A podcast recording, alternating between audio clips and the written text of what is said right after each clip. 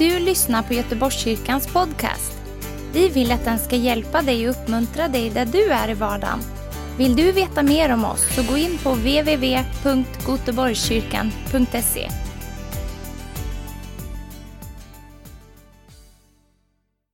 Gött också.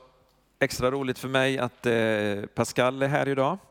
Vi har ju känt varandra sedan förr och haft fridfulla stunder ihop och eh, varit i turbulenta tider ihop. Och nu gör du en, eh, en vistelse här och presenterar böcker och jag är ju också väldigt passionerad för böcker.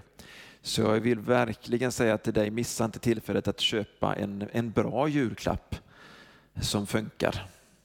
Så eh, det var väldigt många som jag såg och du är jätteavundsjuk du som inte kunde komma hit. Men då kan du säkert Eh, Pascal kommer säkert att berätta lite senare här, i alla fall i Facebook-sändningen, om hur man gör. Är du bara med de här 57 minuterna i TV Vision Sverige så vet du att du kan skifta över till Facebook eh, Göteborgskyrkan. Eh, om jag skulle fråga er vad ni har för bilder av änglar så tror jag inte att jag skulle vilja veta det. Nej. Eh, min, eh, mina första bilder av änglar tror jag är min eh, lilla systers knubbiga små gulliga änglar på bokmärkena. Och det känner vi säkert igen. Och eftersom jag då var öjsare så var jag inte så förtjust i de blåvita änglarna. Förlåt mig. Och, och så som man har lite olika bilder, men så tack och lov så fick jag ju gå i söndagsskola och höra om de här änglarna och Guds ängel och Herrens ängel och Gabriel och, och Mikael och ärkeänglar och mäktiga keruber, inte gulliga eh, keruber och, och änglar som, som verkligen var tjänare till Gud. Det här är ju så aktuellt idag. Och det är inte så att vi ska låta new age ta över eh, eh, undervisningen och läran om änglar. Eh, för den är inte biblisk. Det finns en biblisk undervisning om änglar som verkligen ger oss hopp. Halleluja! Jag vet inte vem det var som sjöng det. Änglarna ger oss hopp och tro. Men egentligen är det Jesus som ger oss hopp och, tro. Men ni förstår hur det kan bli. Men det är ju det att, att det som Gud ger oss, det är gåvor som han ger oss, det är tjänare som han ger oss, eh, skapar väldigt tro och hopp i våra liv. Så jag är själv väldigt tacksam. Jag har ju, som jag sagt förut, en upplevelse som jag förstod senare utav en ängel som jag inte såg men som tog tag i min cykel när jag var på väg ut i vägen och eh, en, bil körde förbi med en våldsam fart som jag inte såg och när jag bara lyftes så här med cykeln in på, på vägen och tänkte det, det där var övernaturligt, förstod inte vad det var. Men jag tror att det var en Herrens ängel. Jag hade förmodligen inte överlevt en sån smäll. Många har olika upplevelser, en del har till och med sett änglar eh, uppenbaras, en del har drömt, det är också väldigt bibliskt att man drömmer om att en ängel talar. Men det jag vill lyfta fram här först är sonens överlägsenhet gentemot änglarna. Och det är ju det som Kolosserbrevet lyfter fram om sonens överlägsenhet mot alla eh, varelser. Därför det finns mycket också eh, flöm flum och mycket makter som vill ta äran ifrån Gud. Men eh, Hebreerbrevet lyfter också upp sonens, alltså Jesu Kristi överlägsenhet, hans härlighet och vad den stora skillnaden är. Därför så ska vi läsa mycket bibelversar idag. Så ha tålamod, ha din bibel framme eftersom det här blir mera eh, bibelstudie än predikan. Och då tar jag om de här verserna som jag läste då på första adventsgudstjänsten för att få sammanhanget. Hebreerbrevet 1. Sedan Gud i forna tider många gånger på många sätt hade talat till fäderna genom profeterna har han nu i den sista tiden talat till oss genom sin son honom har han insatt till att ärva allting och genom honom har han också skapat världen. Och i jämförelse då med änglarna så finns ju inte det här i änglarna. Världen är ju inte skapad genom änglarna. Gud har ju inte talat först och främst genom änglarna i den sista tiden. Och för att förstå det här, varför säger Hebreerbrevets författare det här? Det är att lagen, den överfördes eller förmedlades av änglarna. De var som agenter för att ge lagen till Mose och folket. Men i den sista tiden har han talat till oss genom sin son. Och genom sonen kom inte lagen utan nåden och sanningen. Honom har han insatt till att ärva allting. Det är inte änglar som ärver allting, utan det är sonen som har ärvt allting. Och i honom får vi del av detta härliga arv. Visst är det fantastiskt? Genom honom har han också skapat världen. Sonen utstrålar Guds härlighet, inte änglarna. Sonen uppenbarar hans väsen, inte änglarna. Och sonen uppehåller allt genom sitt mäktiga ord, inte genom änglars ord. Och sedan han utfört en rening från synderna sitter han nu på majestätets högra sida i höjden. Där är kanske änglar på besök, men de, han som sitter där, han som sitter på tronen, hans namn är? Bättre kan vi, hans namn är? Yes, och i Kristus är vi, och då vet vi också vår position. Det här är starka grejer. Sonen är så mycket större än änglarna som det namn han har ärvt är förmer än deras. Till vilken av änglarna har Gud någonsin sagt, du är min son? Ja, säger du, det står ju om Guds söner i Bibeln och då är det ju som att det är änglar. Ja, på så vis, som Guds skapade varelser, är de ju Guds söner. Men Kristus, han är sonen. Han är själv Gud. Till vilken av änglarna har Gud någonsin sagt, du är min son, jag har idag fött dig, eller jag ska vara hans fader och han ska vara min son. Och när han låter den förstfödde träda in i världen, alltså Kristus, säger han också, alla Guds änglar skall tillbe honom. Om änglarna säger han, han gör sina änglar till vindar och sina tjänare till eldslågor. Kommer änglarna på sin rätta plats. De är tjänare.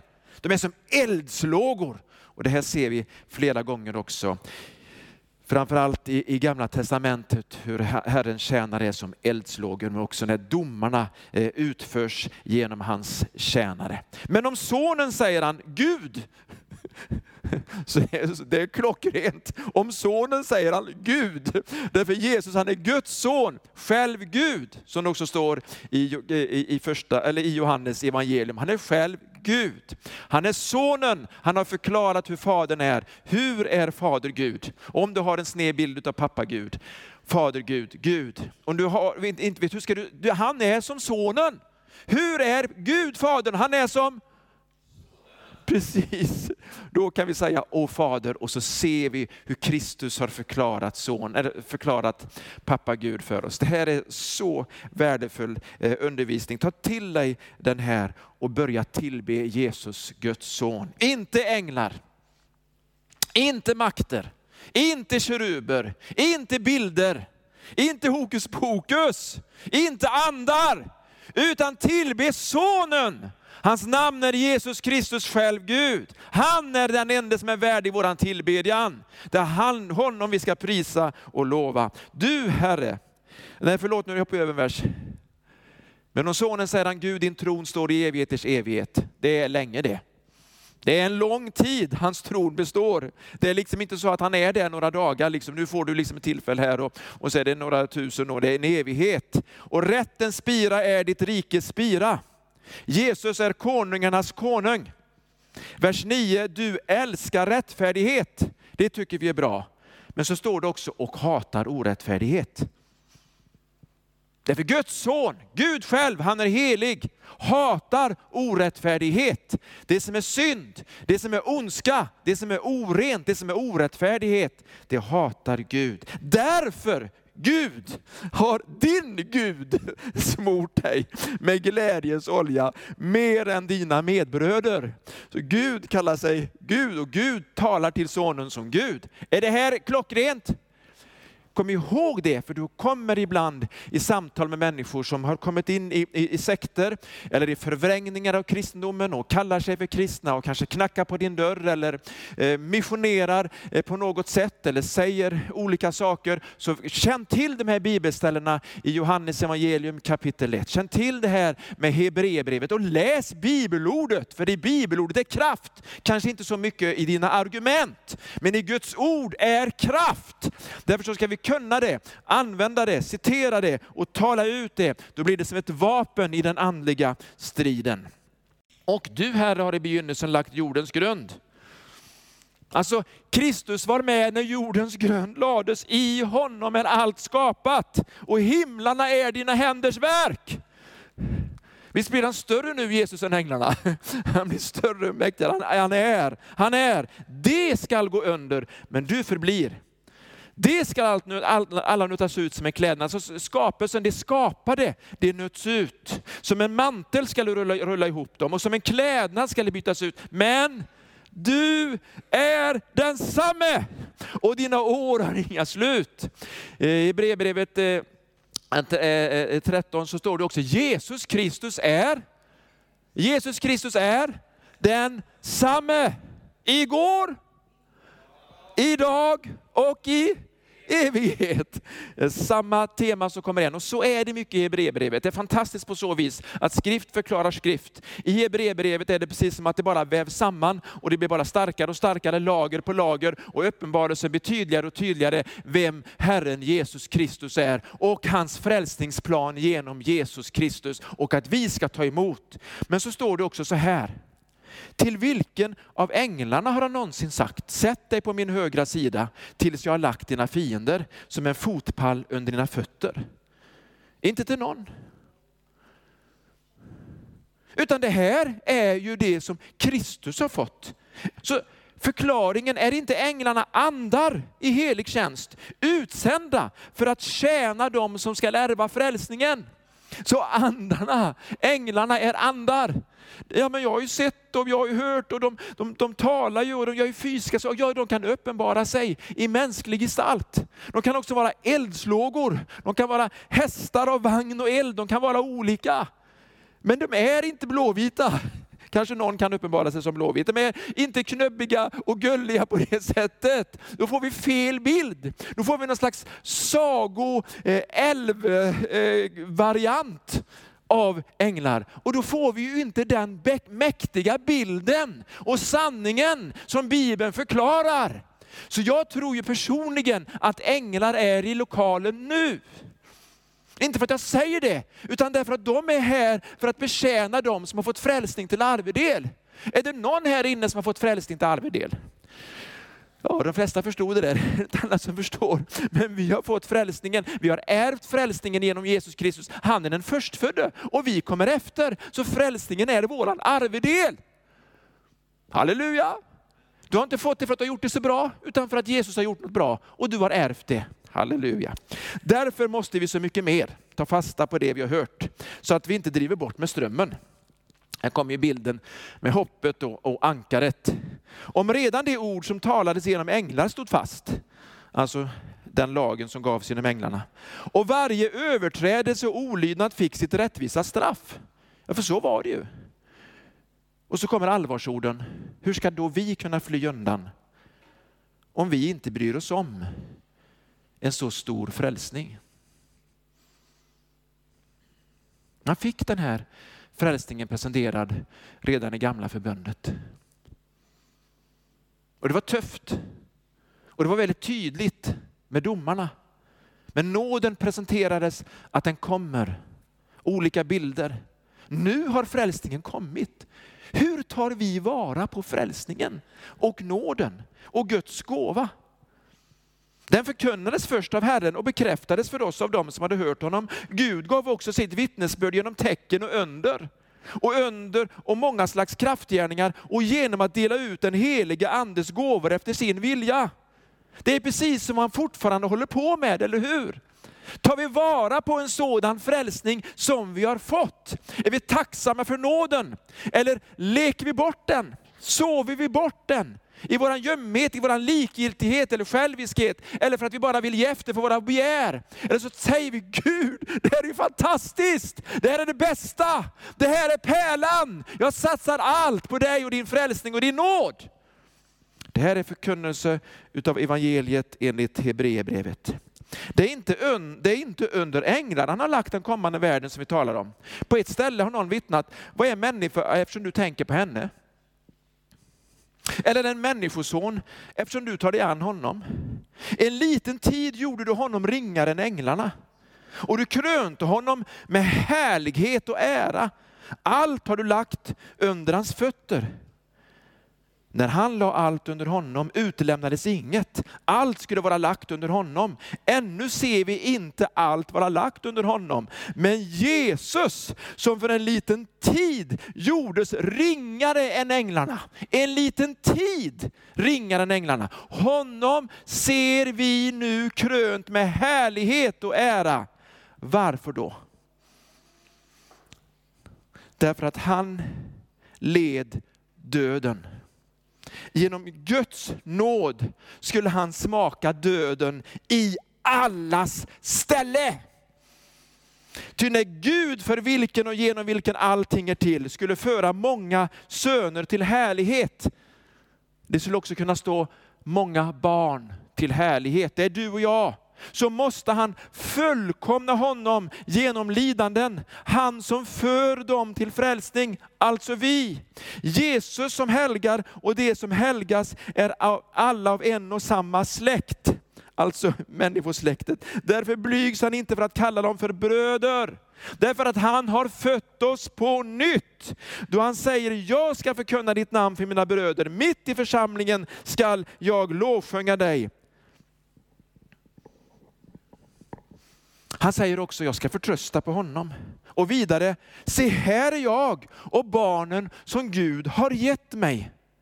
Eftersom nu barnen hade fått del av kött och blod, fick han på liknande sätt del av kött och blod. För att han genom sin död skulle göra den maktlös som hade döden i sitt våld, det vill säga djävulen, och befria alla de som av fruktan för döden, hade levt i slaveri hela sitt liv. Alltså Gud måste bli människa genom Jesus Kristus och inte bara bli människa, utan också lida döden. Lida i sin kropp, dö för våra synder och bli frestad i allt. Möta ondska, hat och frestelser och ångest. Men aldrig synda aldrig falla i synd. När han frestas av Satan i öknen så står han emot alla frestelserna. Efteråt så kommer änglar och betjänar honom. Därför så kan han också känna med oss i våra svagheter. Så när vi frestas så finns det en som har gått igenom det. Som vi kan säga, Herre du vet hur det känns nu. Inte, Herre du vet inte hur det känns.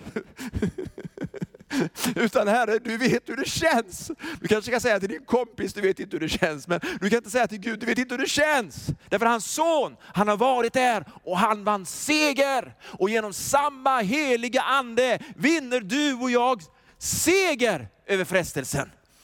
Hör ni vad jag säger? Så det finns ett liv att leva i helighet, inte i vår egen kraft, utan genom hans ande. För han har gått igenom det och han ger oss kraften att ta oss igenom. Halleluja. Så det här lever ju inte änglarna i. När änglarna föll, det som kallas för demoner, Satanans demoner, det är fallna änglar, så finns det ingen frälsning för dem. När Jesus kom så kom han inte för att frälsa de fallna änglarna. Han kom för att frälsa de fallna människorna, för att frälsa oss. Så vi ska vara väldigt, väldigt glada och tacksamma över den frälsning vi har fått. Halleluja! Woo! Yes, underbart. När, vad var jag nu? Vers 10, är det så? Nej, det är jag inte alls. Vers 16, oj oj oj. Det är ju inte änglar utan Abrahams barn han tar sig an. Därför måste han i allt bli lik sina bröder för att bli en barmhärtig och trogen överste präst inför Gud och sona folkets synder. Eftersom han själv har lidit och blivit frestad kan han hjälpa dem som frestas. Så nu frågar jag, hur många av er har blivit frestade någon gång? Är det en synd att bli frestad? Nej. Jesus blir frestad i allt. Hur många är det som tror att ni blir frestade i framtiden någon gång? Är det en synd? Nej. Vi kommer att bli frestade på många områden, men inte över våran förmåga. Halleluja! Inte ens prövas över vår förmåga. Därför att vi i Kristus har kraften att övervinna de här frestelserna, de här prövningarna, de här motgångarna, det här som kommer emot oss. Det här är viktigt att förstå.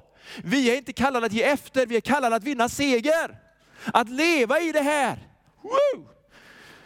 Nu säger någon, vad gör alla de här änglarna? För det är ändå bra att kunna säga någonting om änglarna. Nu har du pratat så mycket om sonen. Jag vill börja med sonen för att förklara det handlar om sonen först och främst. Men jag vill också säga en del om änglarna. Det står om änglarna. Jag har inte kollat det här hundra, men jag har ju läst. Hur många böcker tror ni det står om änglar i Bibeln? Det finns 66 böcker. Hur många tror att det, att det står i alla fall 10? 20? Kan jag få 30? Kan jag få 30, 35, 40, 40, 45, 55, 55, 60, 60, 60, 60 rätt. Bra. 60 böcker. Står inte i Ruts bok, står inte i Esters bok, står inte i Johannesbreven. De är ju tre, inte Jakobs brev. Det är ganska så många. Så jag kan inte säga allting, men jag kan säga en del som de här andarna gör och vilken roll han har till oss. Det hinner vi ju. Halleluja! Är det så många minuter kvar? Jag vet att en del tycker att jag predikar alldeles för snabbt. Men det är ju så fiffigt nu att nu har vi ju allting via Youtube också. Och på Youtube kan man trycka på långsamt.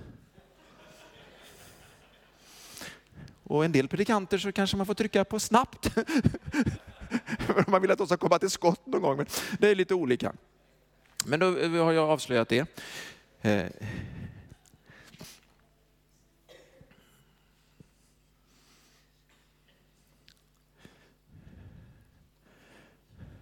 Om vi läser, vi läste i Hebreerbrevet 1 och 14 så står det ju att de är kännstandard för oss som har fått frälsning till arvedel. Och jag också citerade när Jesus blev betjänad av änglar. Så det första som jag vill säga är att änglar betjänar oss. De tjänar. Visst är det fantastiskt? Men jag skulle inte vilja säga att de är mina tjänare. Hängde ni med nu? De är Guds tjänare, men de betjänar oss. Ja, men någon säger, ja, men jag, jag bara sa till äng, mina änglar att stick dit, gå dit. Ja men det är inte dina änglar. Du har inte fött dem, du har inte skapat dem. Men du har dem till förfogande därför att Gud har gett som gåvor. Men det är inte dina. Ja men när jag ska böna så, så bara befaller jag änglarna. Ja men så du kan säga till, till Gud Fader i Jesu namn, kom med dina änglar. Du kan säga Gud sänd dina änglar. För det är väldigt bibliskt, det kommer jag till lite senare hur änglar är med i bönesvaren. Men det är Guds tjänare för oss som har, som har fått frälsning till arvedel. Änglar gör ju också fantastiska saker som jag gillar. De öppnar dörrar. Jag älskar det där när dörrar öppnas. I Apostlagärningarna 5, vers 19 och i Apostlagärningarna 12, vers 7 och 10. Kanske kommer det på väggen. Jag ska inte citera allt, läsa allt. Men vi har ju undervisat från Apostlagärningarna så säger bara det, där öppnar änglar fängelsedörrar och apostlar blir fria och kan gå sin väg. Så de är tjänare, öppnar stängda dörrar och så är de också budbärare. Och ängel betyder, angelos betyder budbärare. Evangelos betyder evangelium, evangelos. Det betyder det goda budskapet, men det är evangeliet. Men kan änglarna förkunna evangeliet? Ja, de kan förkunna ett gott budskap. Men det står om änglarna att de längtar efter att få insikten i evangeliet.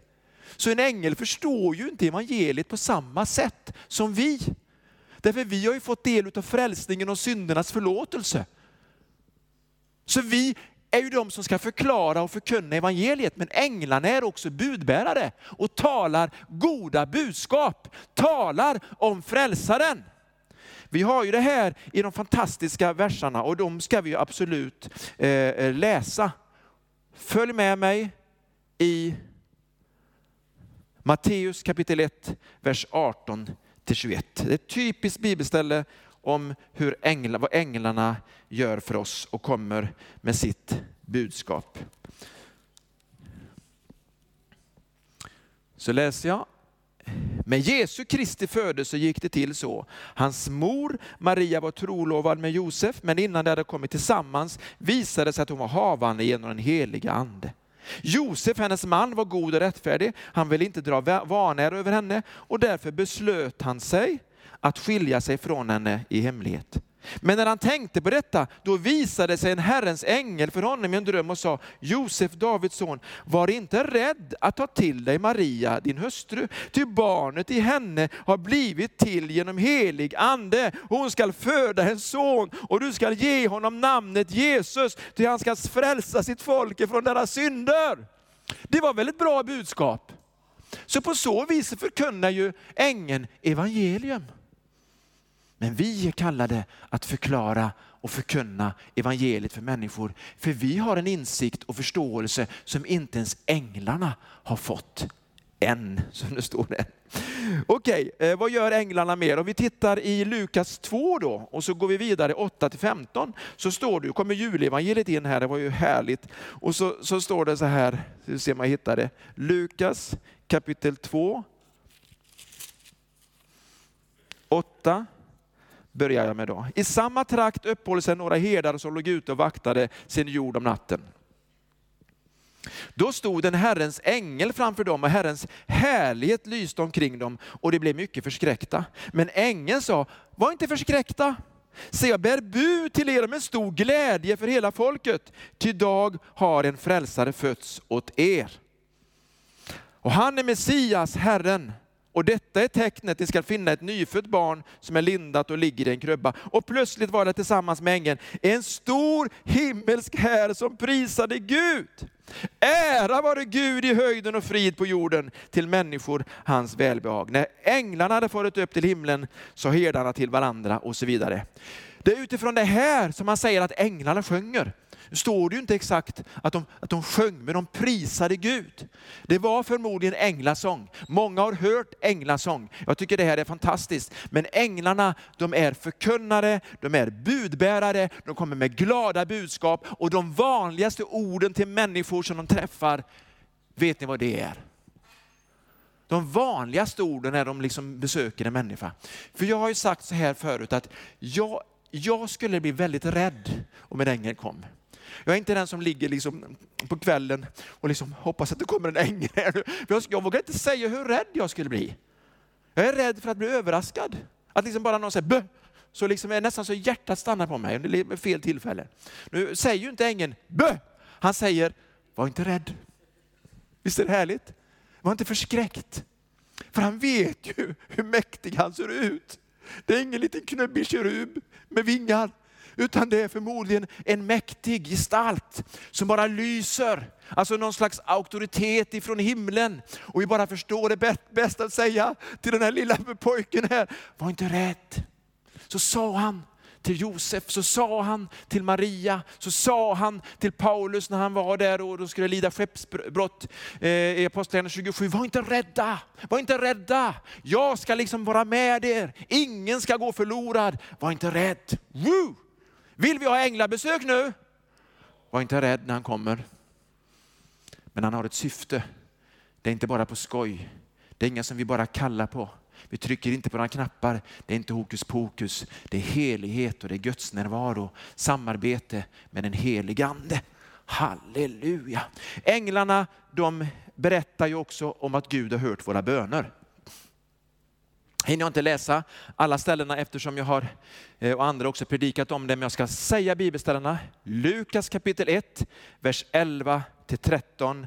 Där, har vi ju, ja, men där är ju så nära, det är bara att backa bandet. Lukas 1, 11 till 13. Och så står det så här, men ängeln sa till honom, frukta inte Sakarias, din bön har blivit hörd. det är väl underbart, man ber och ber och ber och så kommer en ängel och säger, hallå! Din bön har blivit hörd.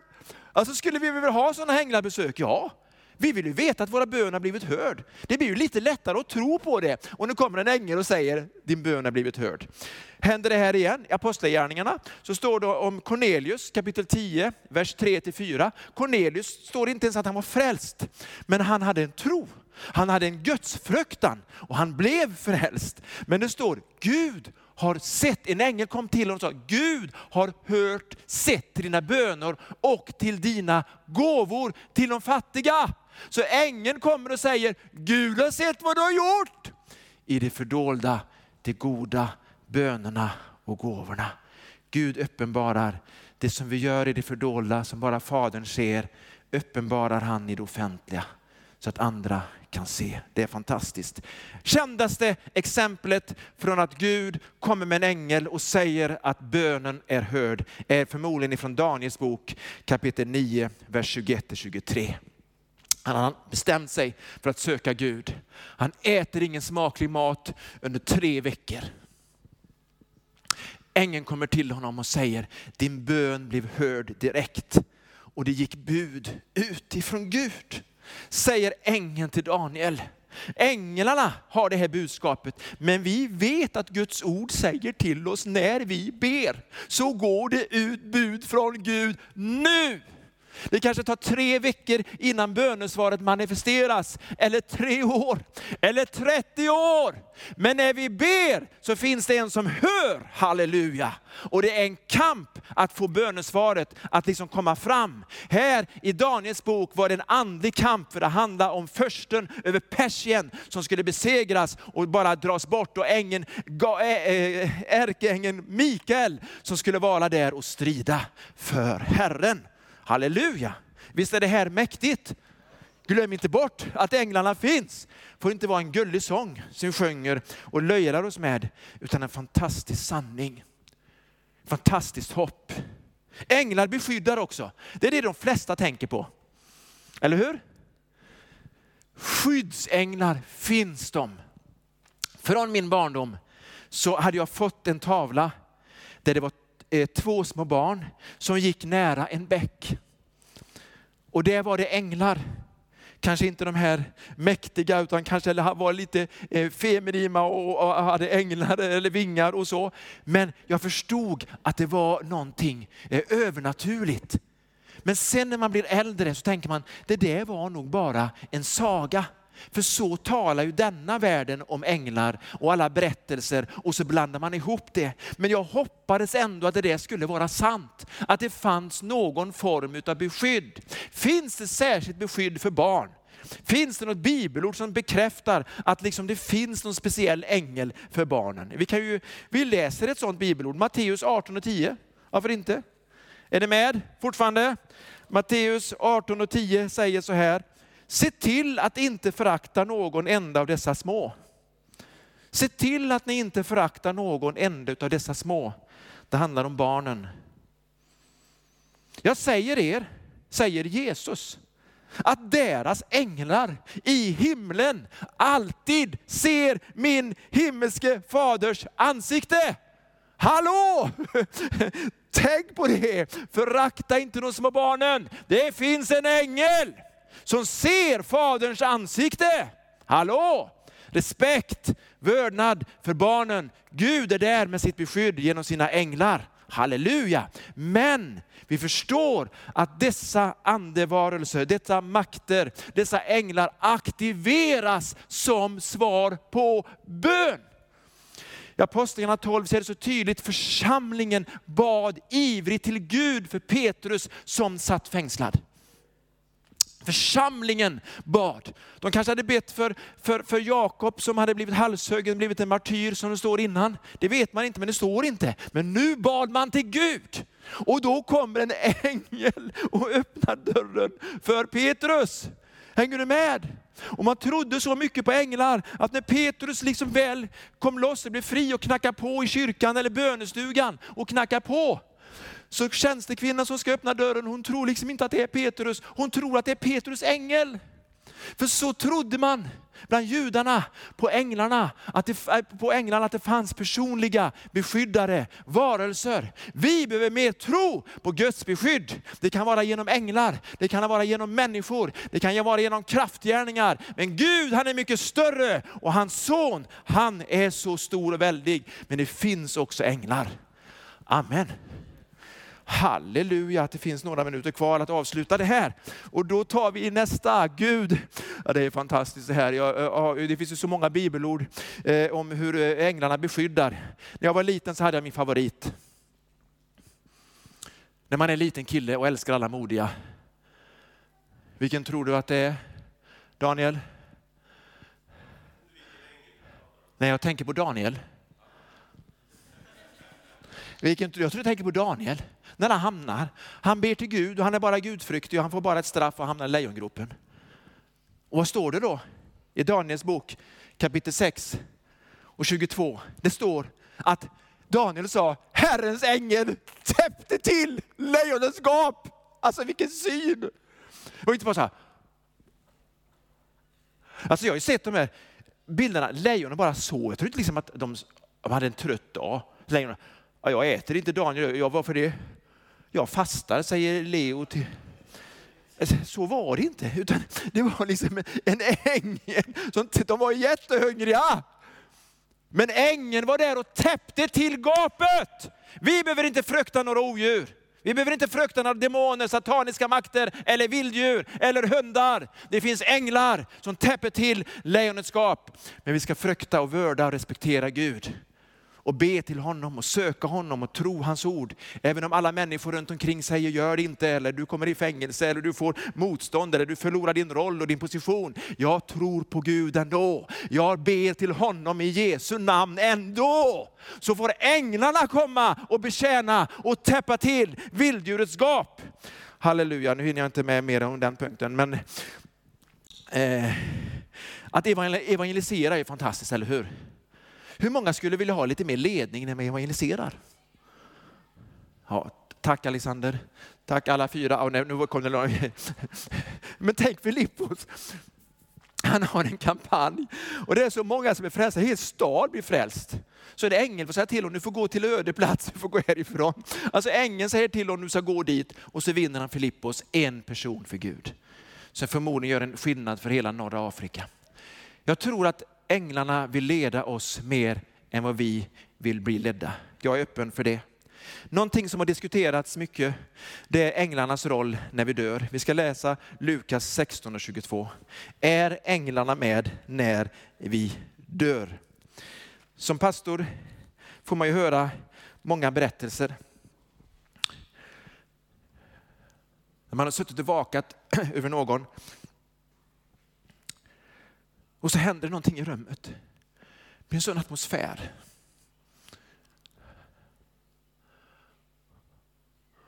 Den här människan, troende på Jesus, flyttar hem till Gud.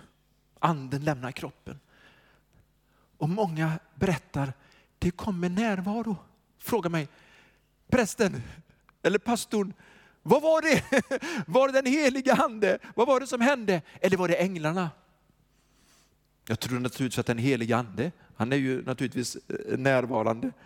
Men enligt den här berättelsen så förstår man också änglarnas roll.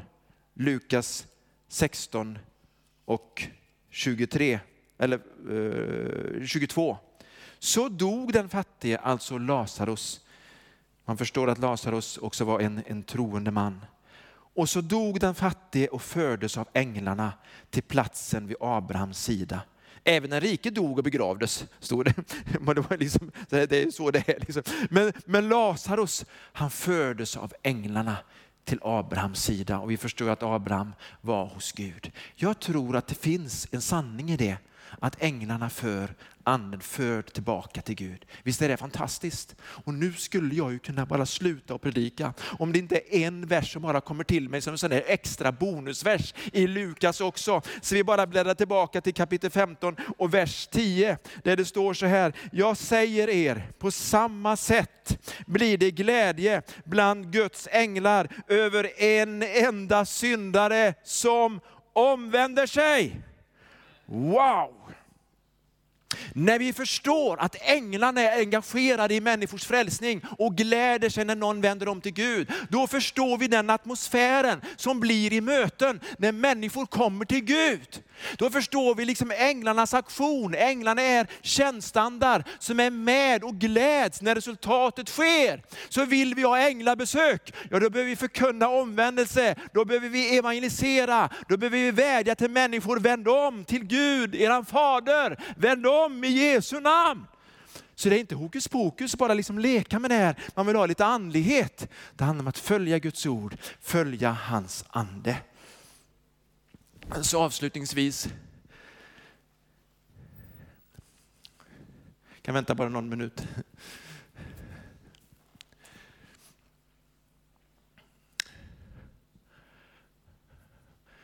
Jesus, han hade, det var hela tiden änglar med. När han föddes, har du hört. I dopet, frestelsen, Getsemane, i uppståndelsen. Men så säger någon, varför var inte änglarna med vid korset, vid korsfästelsen? Ja, förmodligen var de med.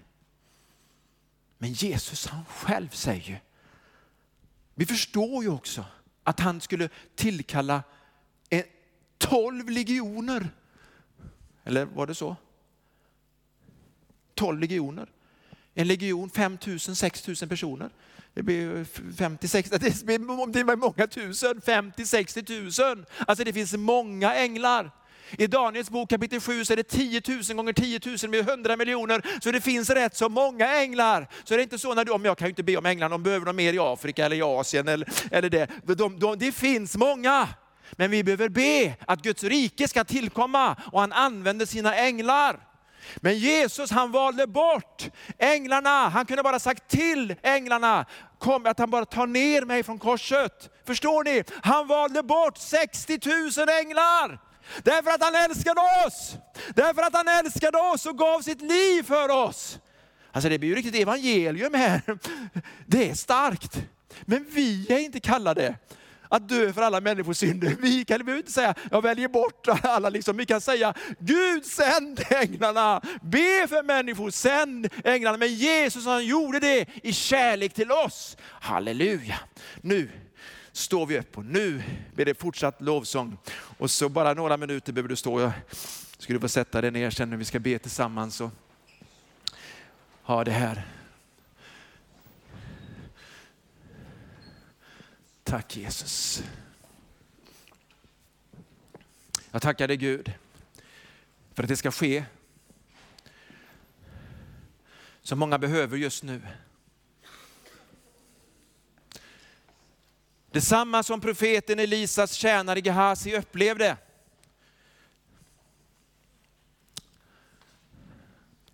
Jag tror det här är andra Konungabok kapitel 6. Samma mörker och hopplöshet som tjänaren kände när de blev attackerade under kriget. Profeterna ser härar av eld, fienden, de är så många. De är så många, man får panik. Det är så mycket nu. Det är så mycket som går emot, det är sån andlig kamp, det är så tufft, det är så jobbigt. Man känner liksom att helvetets krafter har bara släppts lös emot en. Men Elisa, han ser någonting annat. Elisa, han ser någonting annat. Därför att han hade Guds andliga ögon. Och vet du vad han ser? Han ber för profetens, för sin tjänare, öppna hans ögon så att han ser detsamma som jag ser. Och då ser han hästar av vagnar och eld ifrån Gud. Halleluja! Många som har sagt, många som har upplevt, många som har försökt attackera. Och så ser de liksom, ja men det är ju soldater, ja men det är ju, det är ju vilka som är där? Guds änglar är där och beskyddar och de vågar inte attackera. Därför Gud kan uppenbara sådant för dem som han vill. Men han kan också uppenbara för människor som svar på bön. Så att de ser Guds herrar, Guds beskydd, Guds armé. Tusentals änglar, de är större och de är för mer över ditt liv. Säg det finns hopp. Säg det finns hopp. Ja, men säg det, det finns hopp. För Guds armé är större än fiendens. Öppna mina ögon Herre, så att jag ser din frälsning och dina tjänare som är som eldslågor, som är beskyddare, som är budbärare. Jag tackar dig Jesus för dina tjänare änglarna. Tack att de har kommit till oss. Halleluja! Halleluja! Jag väljer att tro. I Jesu namn. Amen. Halleluja. Tack för att du har lyssnat. Dela gärna podden med dina vänner och glöm inte prenumerera. Om du har frågor eller vill att vi ska be för något så mejla oss på info På söndagar har vi veckans höjdpunkt. Då firar vi gudstjänst tillsammans och det vore så kul att träffa dig där. Men vi har även samlingar för barn då? Gå in på vår hemsida goteborgskyrkan.se så får du veta mer. Välkommen till oss!